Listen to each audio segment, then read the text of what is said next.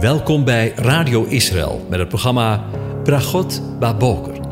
Een kort ochtendprogramma waarin een gedeelte uit de Bijbel wordt gelezen en besproken. Met Bragot Baboker wensen onze luisteraars zegeningen in de ochtend. Presentator is Kees van de Vlist.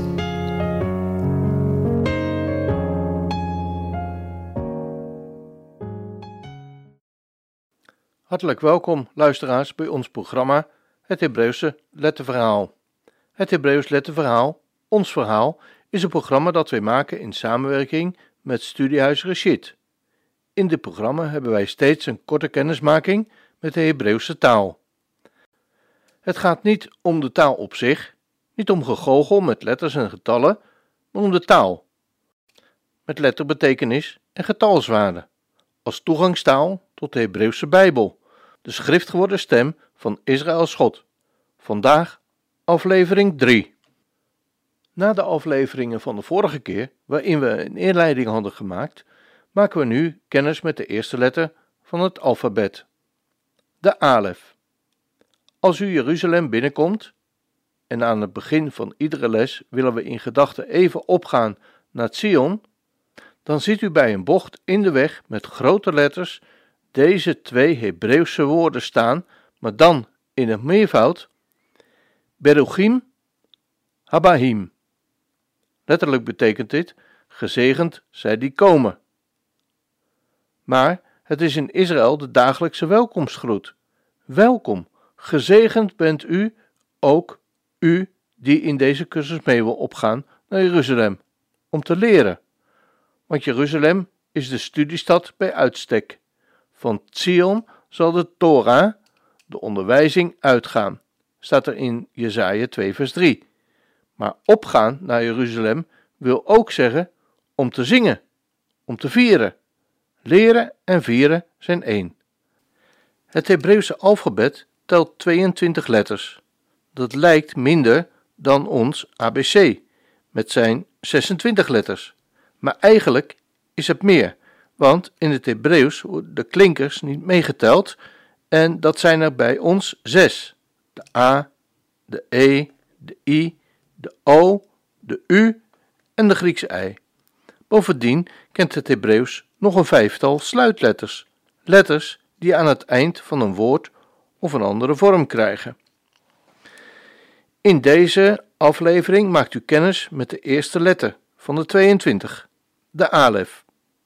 Vooral de alef vraagt en krijgt heel veel aandacht. Terecht, want deze beginletter is een van de meest diepzinnige letters. Er wordt wel gezegd: wie de alef kent, kent de hele Hebreeuwse taal, want in deze ene letter zijn alle letters, alle woorden, zelfs alle zinnen begrepen. In de welkomstgroet Baruch Abba staat de alef achteraan als laatste letter. Laatste letter? Wij, die van links naar rechts lezen, zouden willen zeggen: het is de eerste letter. Maar in het Hebreeuws loopt het schrift van rechts naar links, net andersom dan bij ons.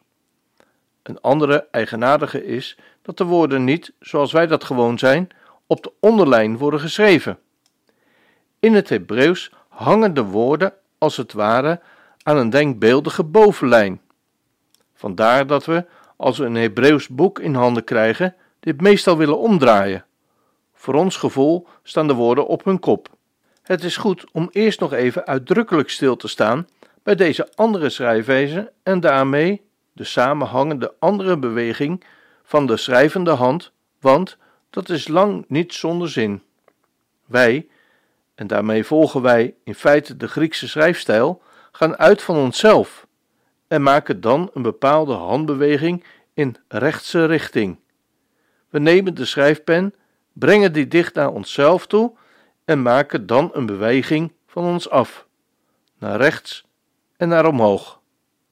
Lijnrecht daartegenover staat de Hebreeuwse schrijfrichting. Men begint niet bij zichzelf, maar buiten zichzelf. Men neemt de pen, beweegt eerst de hand met een boog naar een punt buiten zichzelf en begint dan van bovenaf, van rechts naar links te schrijven. De Hebreeër schrijft naar zich toe.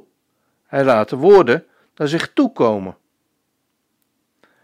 Deze andere schrijfwijze typeert de Hebreeuwse denkwijze. Want in onze schrijfbeweging weerspiegelt zich de gang van ons denken. We schrijven zoals we denken. Wij, als verlichte westerlingen, schrijven en denken op de Griekse wijze, uitgaande van onszelf, van onderop. De Griek begint bij zichzelf, bij wat hij zelf ziet, ervaart of logisch vindt.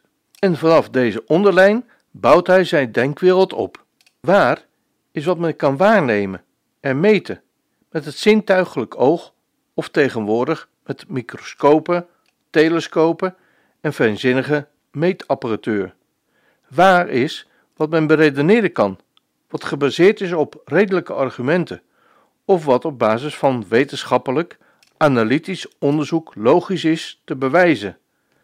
Lijnrecht daartegenover staat de Hebreeuwse denkwijze, van rechts en van bovenaf.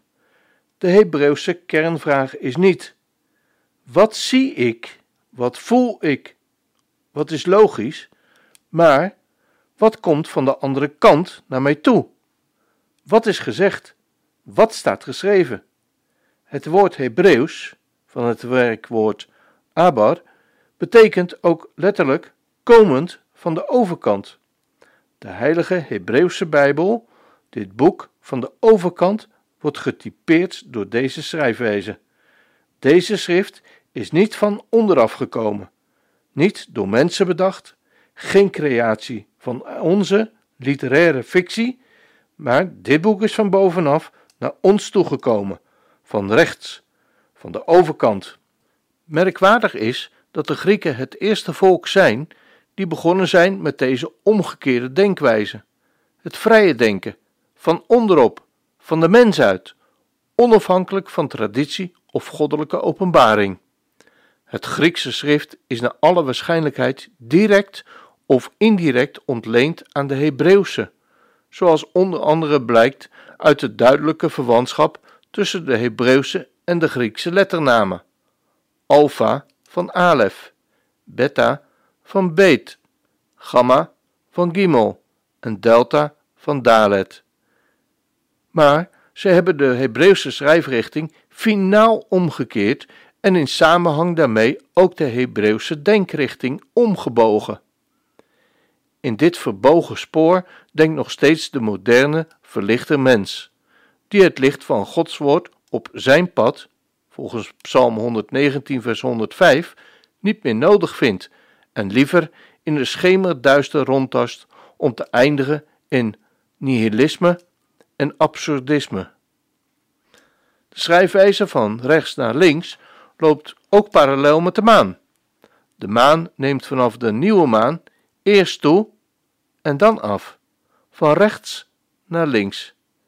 Dit in tegenstelling tot de zon, die vanaf links, in het oosten, door het zuiden zijn baan trekt naar rechts, naar het westen, althans gezien vanuit Jeruzalem. Het kenmerkende verschil tussen zon en maan is bovendien dat de zon een relatief zelfstandige lichtbron is. De zon heeft, geeft licht in zichzelf, terwijl de maan een donkere steenklomp is, zonder enig licht in zichzelf. Zij weerkaatst alleen het licht dat van buitenaf naar haar toe komt. Daarin is de maan een beeld van de mens, die geroepen is om Gods licht, zijn liefde en zelfovergave te weerkaatsen. Van nature is er geen licht in ons, wel afgeleid licht, inzicht en kennis die afgeleid zijn via traditie of rechtstreeks uit Gods licht, door Zijn woord en geest.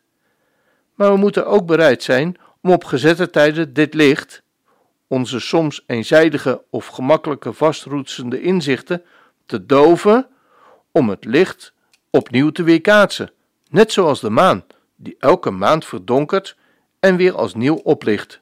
Het is opmerkelijk en veelzeggend dat in de Bijbelse godsdienst de tijdsordening, de jaarlijkse feestcyclus, bepaald wordt door de maan, en niet zoals bij de Grieken en andere heidenen door de zon.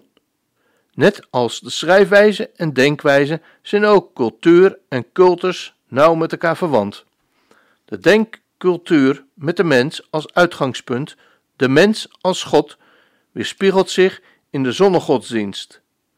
Middelpunt en hoogtepunt van de heidense cultus zijn de zonnefeesten, met als jaarlijks hoogtepunt het zonnewendefeest of midwinterfeest. Daarentegen zijn middelpunt en hoogtepunten van de Bijbelse godsdienst de twee maanfeesten, het grootste feest van Pesach en van Sukkot, die beide beginnen bij volle maan, op de vijftiende van de maand. Het Bijbelse jaar is een maanjaar. Het is één doorlopende herinnering aan het licht dat van buitenaf naar ons toegekomen is. In plaats van de heidense zonnewendefeest viert het Joodse volk in de donkere wintertijd het Chanukka-feest of het vernieuwingsfeest, volgens Johannes 10 vers 22, als een jaarlijkse herinnering aan de mislukte poging van de heidense Grieken onder leiding van Antiochus Epiphanes om de zonnereligie aan het Joodse volk op te leggen en de Bijbelse maancultuur uit te roeien. Tot zover onze derde aflevering. Mocht u meer willen weten of geïnteresseerd zijn in meer informatie over de Hebreeuwse taal, dan verwijzen wij u graag naar de website van Studiehuis Rashid www.studiehuisrashid.nl. U vindt er alle benodigde informatie om op een heel toegankelijke manier kennis te maken met het Hebreeuws. Nieuwe afleveringen van dit programma vinden plaats op maandag, woensdag en vrijdagmiddag om 3 uur. Voor herhalingen van dit programma ga dan naar www.radioisrael. Kies voor het kopje radio onder weekprogramma. Terugluisteren kan ook. Ga dan naar Radio Israël, kopje radio, naar uitzending gemist.